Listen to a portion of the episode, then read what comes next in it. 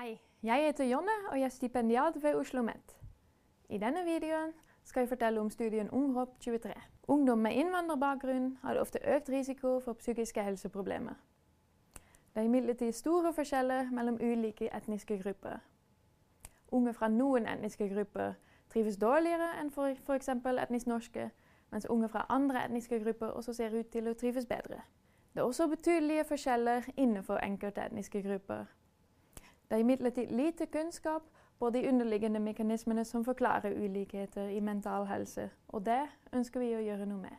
Det som kanskje er litt overraskende, er at vi i denne studien ikke skal fokusere på psykiske problemer. Vi lurer derimot på hvorfor mange ungdommer klarer seg bra, til tross for eventuelle livsutfordringer de møter. Og det syns jeg er veldig spennende med denne studien.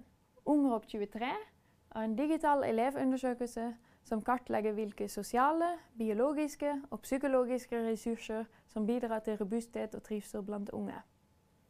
Vi har trykket ut både offentlige og private skoler i ulike bydeler og byer i Oslo og Viken.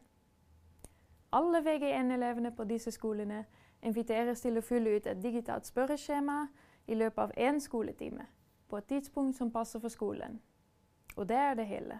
Ved å bli med i Ungrop 23 kan du og din skole bidra til økt kunnskap om mekanismene som forklarer ulikheter i robusthet og trivsel blant unge. Og denne kunnskapen kan igjen bidra til å forebygge negative konsekvenser av sosial ulikhet. Og sånn sett kan det ha store ringvirkninger for barn, unge, deres familier og hele samfunnet. Vil du og din skole være med på denne viktige studien?